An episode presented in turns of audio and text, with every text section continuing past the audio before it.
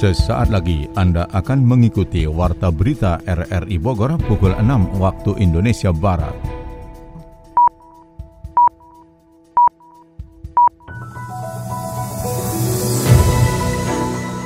Selamat pagi, Saudara, kita bersua kembali lewat Warta Berita Senin 5 September 2022. Siaran ini juga dapat Anda dengarkan melalui audio streaming RRI Play dan turut disiarkan Radio Tegar Beriman Kabupaten Bogor. Berikut kami sampaikan berita utama. Sejumlah warga mengeluhkan kenaikan harga BBM karena beban hidup yang sudah sulit bertambah sulit. Bersama saya Mukhlis Abdillah, inilah Warta Berita selengkapnya.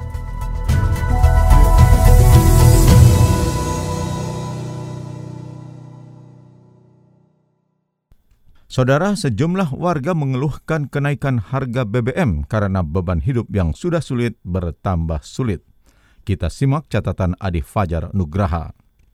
Pemerintah secara resmi telah menaikkan harga BBM jenis Pertalite sebesar Rp10.000, solar subsidi Rp6.800, serta Pertamax Rp14.500. Pertamina Patraniaga Subholding Commercial and Trading PT Pertamina Persero akan memastikan ketersediaan pasokan bahan bakar minyak atau BBM bersubsidi dalam keadaan aman di seluruh wilayah. Stok BBM jenis Pertalite dan solar dipastikan terus ada. Korporat Sekretari PT Pertamina Patraniaga Irto Ginting mengungkapkan, hingga kini stok solar masih cukup untuk kebutuhan hingga 20 hari mendatang. Sementara itu untuk Pertalite stoknya berada di level 18 hari. Meski dari stok aman, Irto mengatakan kuota penyaluran kedua BBM itu dari yang telah ditetapkan pemerintah sudah semakin menipis. Sebab penyalurannya sudah hampir mendekati 100% untuk masing-masing jenis BBM bersubsidi. Sebagai badan usaha atau operator yang ditugaskan untuk menyalurkan BBM bersubsidi, Pertamina Patraniaga terus memastikan ketersediaan stok Pertalite dan solar, serta proses distribusinya ke SPBU berjalan dengan maksimal di tengah meningkatnya konsumsi masyarakat. Ketahanan stok Pertalite dan solar pada 3 September ini berada di angka yang aman, Pertalite di level 18 hari dan solar di level 20 hari. Dan ini terus kita produksi. Proses produksi mulai dari hilir hingga ketersediaan stok BBM di SPBU juga terus dimonitor secara real time. Sehingga masyarakat tidak perlu khawatir dan kami himbau untuk tidak melakukan pembelian secara berlebihan. Pasca kenaikan BBM yang diumumkan pemerintah pada Sabtu lalu, sejumlah warga mengeluhkan kebijakan tersebut. Fajar, salah seorang pengemudi ojek online mengungkapkan, sebelum terjadinya kenaikan harga BBM, orderan ojolnya pun sepi. Dirinya mengaku bebannya semakin berat dengan kondisi naiknya BBM saat ini. Kalau saya sih kurang setuju ya, soalnya dari orderan juga sekarang susah, udah banyak saingan, lagi orderannya juga jarang. Apalagi sekarang kan BBM naik, ya boro-boro buat beli BBM gitu kan, orderannya aja susah buat beli bahan makanan aja udah alhamdulillah kalau udah kebeli juga gitu. Ya berat ya. Warga lainnya bernama Puji Lestari mengungkapkan, sebelum harga BBM naik, dirinya sebagai pelaku usaha mikro mengeluhkan harga bahan pokok yang sudah naik. Dengan adanya kenaikan BBM, menurutnya akan disusul kembali dengan naiknya harga sembako di pasaran. Ia masih berharap adanya kebijakan pemerintah dalam menyesuaikan harga BBM agar tidak memberatkan warga. Saya merasa keberatan ya kalau untuk menaikkan harga BBM sekarang ini kan semuanya sembako pada naik. Kalau kenaikan BBM itu semaksimal menunjang ke yang lain gitu. Terutama saya sebagai ibu rumah tangga dan saya juga mikro usaha kecil-kecilan nggak pernah mendapatkan bantuan apa-apa. Jadi kalau bisa pemerintah ambil kebijaksanaan bisa lebih menyetabilkan ekonomi pemerintah di Indonesia biar kaum ibu-ibu emak-emak khususnya ya udah merasa keberatan harga minyak aja udah melambung tinggi gitu kan. Sebelum naik. sembako naik, apalagi sekarang BBM udah semakin menjerit kita. Pemerintah pun telah menyiapkan anggaran sebesar 24,17 triliun rupiah untuk bantuan sosial berupa bantuan langsung tunai atau BLT, bantuan subsidi upah atau BSU, dan bantuan untuk angkutan umum yang secara bertahap mulai diberikan kepada masyarakat. Adanya bansos tersebut diharapkan dapat menjaga daya beli masyarakat di tengah kenaikan harga BBM dan bahan pangan lainnya. Guna mewujudkan ketertiban, PKL Kawasan Merdeka dan ex-presiden teater harus masuk ke tempat penampungan sementara TPS Mawar. Berikut laporan Sony Agung Saputra.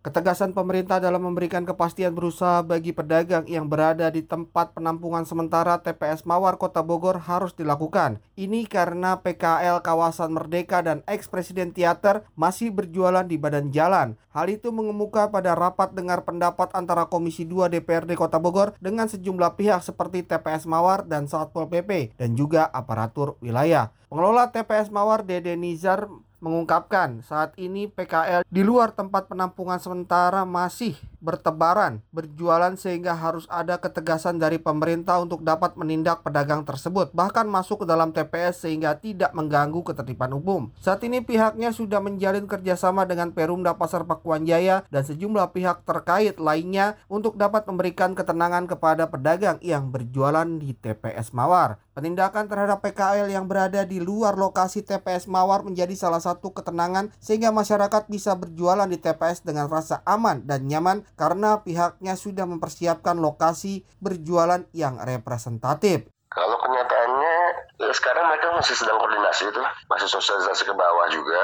Kemarin mereka ada beberapa rapat. Saya kira sekarang lagi ada on progress lah. Mereka belum masuk sampai saat ini sih belum masuk, sampai saat ini belum masuk, tapi sudah ada pembahasan-pembahasan lah sudah mulai ada koordinasi lah mungkin antara PKL-nya juga dengan pemerintah, tapi ya pemerintahnya belum melaksanakan pergerakan untuk memindahkannya. Mungkin masih ada pembahasan kali Pak. Kita hmm. menunggu saja dari pemerintahan saja, kita lihat dari ketegasan pemerintah. Sebenarnya ini kan masalah-masalah kecil, bukan masalah besar.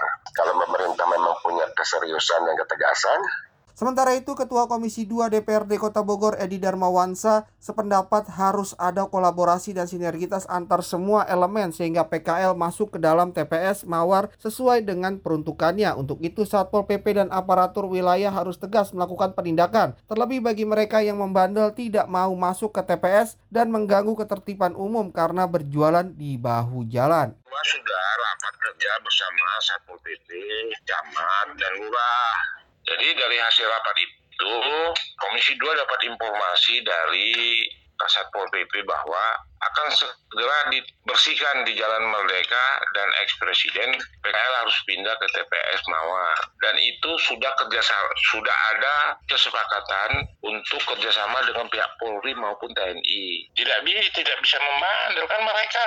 Waktu audensi ke DPRD Komisi 2 mereka mendukung program pemerintah untuk semua PKL pindah ke TPS Mawar. Pada kesempatan yang sama, Kasatpol PP Kota Bogor Agustiansa mengklaim terus melakukan penertiban dalam waktu dekat jika PKL kembali membandel, maka tindakan tegas akan dilakukan agar ketertiban umum bisa terwujud.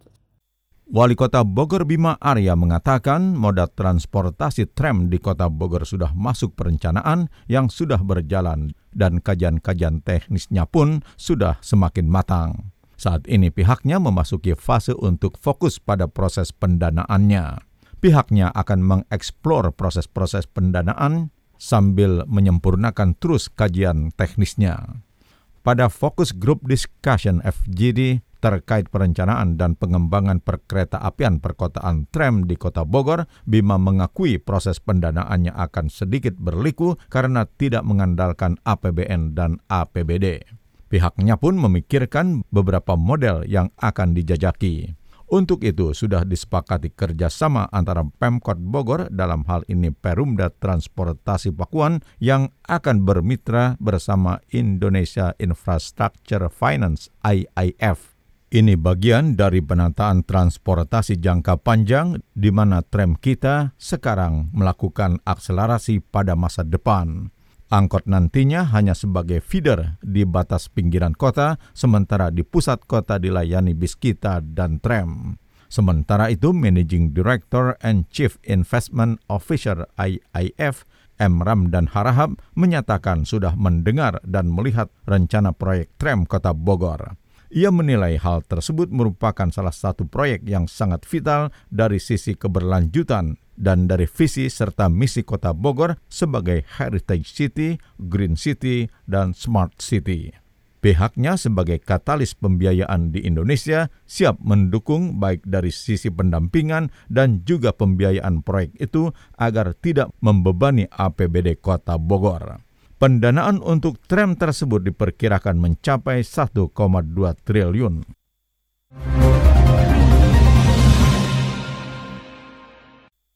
Kementerian Kelautan dan Perikanan KKP tengah melakukan pembangunan budidaya ikan yang ramah lingkungan untuk meningkatkan produksi perikanan pasar ekspor dan dalam negeri penataan ruang laut untuk perlindungan ekosistem pesisir dan laut, serta Bulan Cinta Laut. Pada kegiatan Fisheries and Aquaculture Product Festival 2022 di halaman Balai Riset Perikanan Budidaya Air Tawar dan Penyuluhan Perikanan Sempur Kota Bogor, Sekjen KKP Antam November menyebut di Indonesia banyak salah kaprah. Misalnya paru-paru dunia sebetulnya tutur antam ada di laut, bukan di hutan. Karena baik koral maupun mangrove memiliki daya serap karbon 10 kali lipat dibandingkan hutan. Dalam bulan cinta laut, para nelayan dalam satu bulan diajak untuk tidak menangkap ikan tetapi menangkap alias memungut plastik dan penghasilan mereka dalam satu bulan diganti dengan uang. Harapannya sampah plastik di laut atau di pulau-pulau berkurang dan itulah menurutnya yang dikampanyekan sekarang. Kegiatan festival tersebut menebar 50 ribu ekor di Sungai Ciliwung yang merupakan ikan khas Ciliwung yaitu jenis nilam, torsoro, baung, tawes, dan mata merah. Saudara, Anda tengah mengikuti Warta Berita dari Radio Republik Indonesia Bogor. Dari dunia ekonomi dilaporkan, kenaikan pertalite dan solar akan berimbas pada harga-harga komoditas lainnya. Sementara Asosiasi Ojek Online Garda Indonesia menagih janji pemerintah memberikan subsidi BBM. Selengkapnya dirangkum Adi Fajar Nugraha. Direktur Eksekutif Center of Reform on Economic Muhammad Faisal mengatakan kenaikan Pertalite dan solar akan berimbas pada harga-harga komoditas lainnya. Lantas apa saja dampak kenaikan harga Pertalite dan solar terhadap biaya barang dan jasa? Faisal mengatakan ongkos transportasi merupakan sektor pertama yang terkena dampak dari kenaikan harga BBM subsidi. Hal ini tidak bisa dihindari karena ongkos transportasi memang bergantung pada harga bahan bakar. Faisal menjelaskan efek ikutan dari kenaikan BBM yang berimbas pada kenaikan ongkos transportasi adalah biaya logistik. Oleh karena karena itu biaya logistik pun terancam melambung. Selain itu Faisal menuturkan, harga pangan pun terancam ikut melambung jika harga BBM subsidi naik. Pasalnya kenaikan biaya logistik tadi berkaitan erat dengan harga pangan. Ketika biaya logistik naik, harga pangan pun ikut melambung karena ongkos distribusinya naik. Sementara itu Ekonom Center of Economic and Law Studies atau CELIOS, Bima Yudhistira menghitung apabila harga Pertalite diasumsikan naik dari Rp7.650 menjadi Rp10.000 per liter, maka inflasi diperkirakan tembus 6 hingga 6,5 persen secara secara tahunan. Kenaikan harga Pertalite katanya sudah pasti akan berdampak langsung pada daya beli masyarakat. Kenaikan harga kebutuhan pokok sehari-hari tadi pun bahkan bisa meningkatkan jumlah orang miskin baru. Menurutnya ekonomi 40% kelompok rumah tangga terbawah dikhawatirkan akan semakin berat. Ditambah lagi 64 juta UMKM bergantung pada BBM bersubsidi. Bima juga memprediksi konsumsi rumah tangga bisa melemah ke level 3,75 persen. Asosiasi Ojek Online Ojol Garda Indonesia menagih janji pemerintah memberikan subsidi bahan bakar minyak atau BBM jenis Pertalite. Sebelumnya Presiden Jokowi menaikkan harga BBM bersubsidi yakni Pertalite dan Solar. Pernyataan itu disampaikan Ketua Umum Garda Indonesia Igun Wicaksono yang mengatakan janji subsidi BBM tersebut merupakan tanggapan langsung dari Presiden Jokowi atas surat permohonan pihaknya agar ojol tetap diberikan subsidi BBM jenis Pertalite. Menurutnya tanggapan itu diumumkan melalui Menteri Keuangan Sri Mulyani. Sebelumnya Garda Indonesia mengajukan mengajukan lima permohonan kepada Presiden Jokowi melalui surat terbuka bulan lalu. Salah satunya subsidi Pertalite jika harga BBM jenis itu naik. Merespon hal itu, Menteri Keuangan Sri Mulyani mengaku akan menggelontorkan subsidi untuk ojol dan transportasi umum. Anggarannya diambil dari dana transfer umum seperti dana alokasi umum atau DAU dan dana bagi hasil atau DBH sebesar 2% yang akan dibayarkan oleh pemerintah daerah. Igun melanjutkan pihaknya belum mendapatkan keterangan terkait bentuk dan nominal subsidi yang akan diberikan pemerintah terhadap ojol. Ia berharap pemerintah segera mewujudkan janji subsidi tersebut agar beban biaya operasional ojol tidak berat mengingat kenaikan tarif ojol belum direalisasikan hingga saat ini.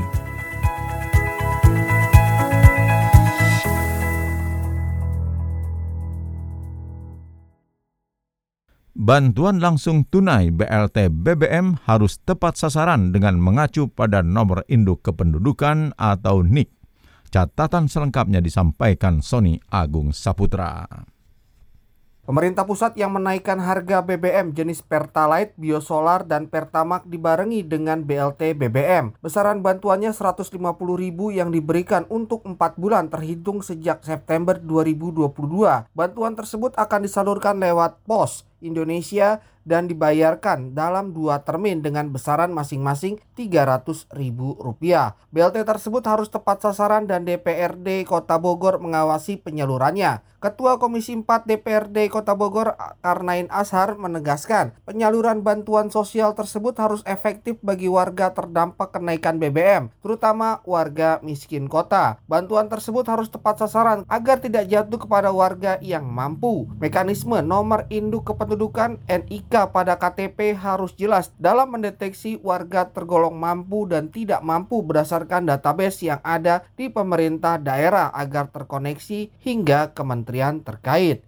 Kalau dana BLT ini kan biasanya terpilihnya, sementara dampak dari kenaikan harga BBM ini kan kelompok rentan masalah ekonomi ini juga tidak hanya masyarakat yang ada dalam daftar DTKI. Ini yang sebenarnya jadi catatan penting juga bahwa BLT ini sering kali hanya melapis sebagian kelompok masyarakat yang terdampak oleh kenaikan harga BBM, terutama yang bersubsidi. Sementara yang terdampak ini lebih luas dari orang-orang yang ada di dalam data DTKN. Menanggapi hal tersebut, Kepala Dinas Sosial Kota Bogor Fahrudin menyebutkan saat ini kuota untuk bantuan sosial yang terus diperbaiki setiap bulannya sehingga terbarui data sebanyak 500 ribu jiwa penerima BLT dari pemerintah pusat. Pembaharuan itu juga dilakukan dengan mengeluarkan mereka yang mampu dan memasukkan mereka yang tergolong miskin berdasarkan verifikasi di tingkat tingkat bawah. Sementara itu, Kepala Dinas Kependudukan dan Catatan Sipil Kota Bogor Sujatmiko menegaskan, saat ini harus ada sistem yang terbentuk dengan menggunakan nomor induk kependudukan pada EKTP sebagai deteksi mereka yang tergolong tidak mampu. Sistem dari pusat hingga daerah harus terintegrasi sehingga pihaknya menyiapkan big data kependudukan berbasis NIK yang dapat dipergunakan untuk mendeteksi ketepatan sasaran dari penerima BLT.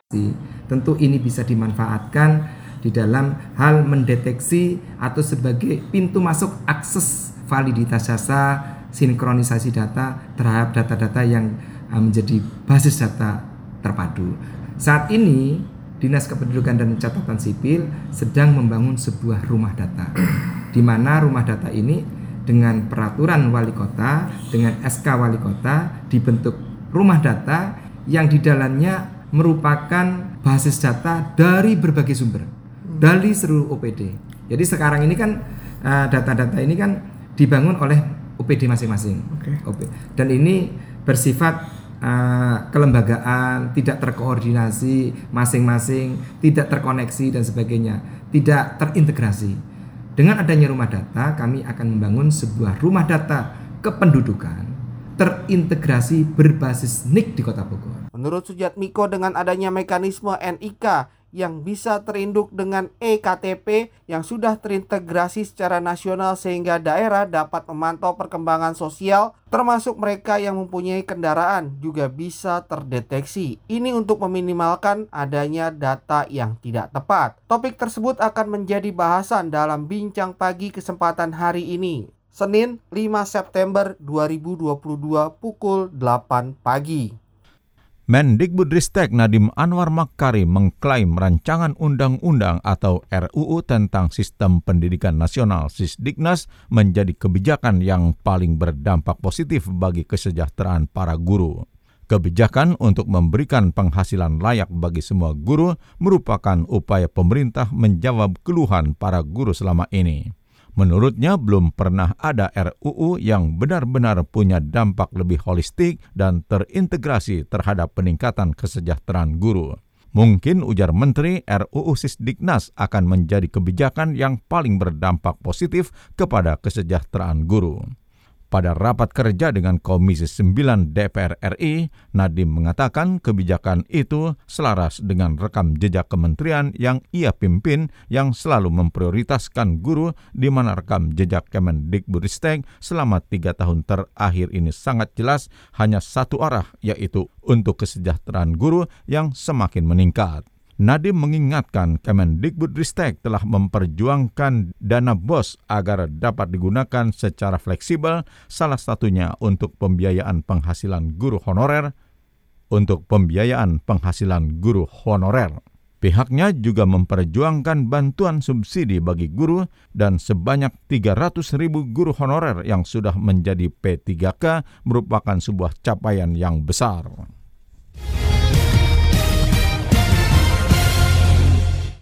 Beralih ke berita olahraga. Persikabo Kabupaten Bogor mengakhiri tren negatif dengan kemenangan melawan Borneo FC. Itulah antara lain informasi olahraga yang selengkapnya disampaikan Ermelinda.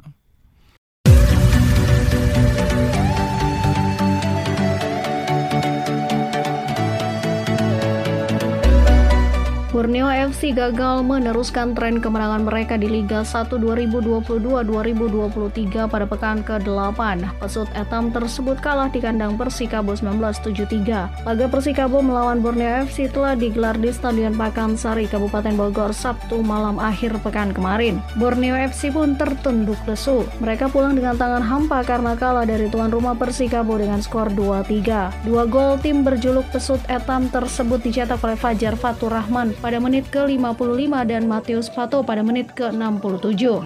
Adapun tiga gol Persikabo tercatat atas nama Rian Kurnia di menit ke-15, Tomoki Wada menit ke-56 dan Gustavo Tokantin di menit ke-60. Jajang Nur Jaman pelatih Persikabo mengapresiasi setinggi-tingginya kepada para anak asuhnya tersebut karena anak asuhnya terlihat cukup tegang dalam pertandingan saat itu akibat tiga kekalahan berturut-turut pada pertandingan sebelumnya dan para pemainnya itu mampu melewatinya. Apresiasi kepada pemain yang dalam keadaan tegang, tekanan cukup tinggi karena sebelumnya sudah mengalami tiga kali kalah beruntun. Tentunya ini uh, tapi anak-anak tadi tampil uh, penuh semangat fighting spirit tinggi motivasi tinggi sehingga kami bisa keluar sebagai pemenang. Dan uh, jujur kami hari ini agak keluar dari skema permainan kami. Ya tidak seperti biasanya karena faktor tadi itu. Ya agak sedikit tegang kekalahan tiga kali berturut itu sangat berpengaruh sehingga uh, yang biasa kami memainkan uh, ball position cukup tinggi hari ini agak hilang sehingga lebih banyak direct ke depan.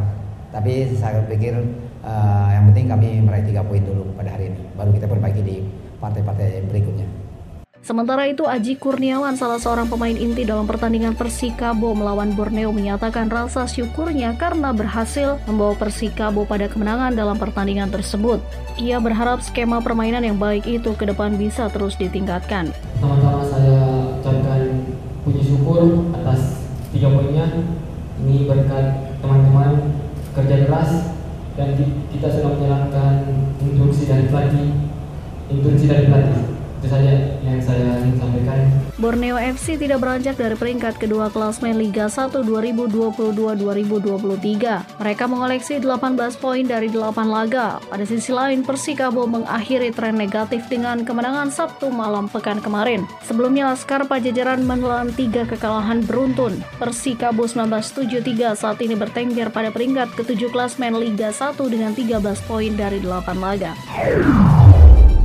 Menpora Zainuddin Amali menjadikan sport science sebagai panduan utama dalam meningkatkan kualitas atlet di tanah air. Hal tersebut bisa menunjang tingkat kemampuan para pemain timnas Indonesia. Sport science bisa menjadi tolak ukur dalam melihat sejauh mana pencapaian para atlet pada masa sekarang, kemudian dibandingkan dari tahun-tahun sebelumnya dan merencanakannya untuk masa depan. Guna membumikan sport science tersebut, Menpora Zainuddin Amali mengajak perguruan tinggi yang ada di Indonesia untuk bisa bekerja sama. Ada dua kampus yang telah menjadi salah satu pendukung program tersebut yaitu Universitas Negeri Semarang dan Institut Teknologi 10 November. Badan Riset dan Inovasi Nasional BRIN juga menjadi bagian dari kerjasama tersebut. Sementara ini Indonesia menjadi salah satu negara di Asia Tenggara yang diperhitungkan dari sisi olahraga. Ini terbukti dari beberapa hasil yang dicapai seperti pada ASEAN Para Games 2022, Indonesia berhasil menjadi juara umum dengan target dan pencapaian rekor yang menembus batas ekspektasi. Adapun timnas Indonesia U16 juga sukses meraih gelar juara pada Piala AFF U16 2022. Timnas Indonesia juga lolos ke Piala Asia 2023 setelah 15 tahun menunggu. Kesempatan skuad Garuda untuk mentas pada momen tersebut menjadi peluang besar untuk meningkatkan prestasi ke depannya.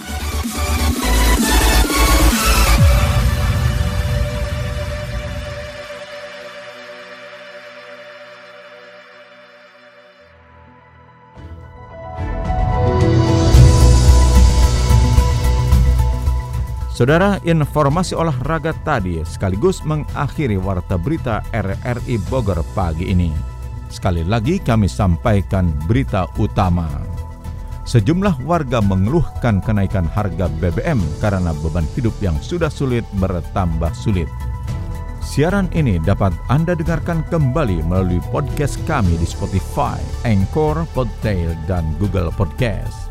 Saya Muhlis Abdillah merangkap Desk Editor bersama penata teknik Mahdi Nur mengucapkan terima kasih atas kebersamaan Anda. Selamat pagi.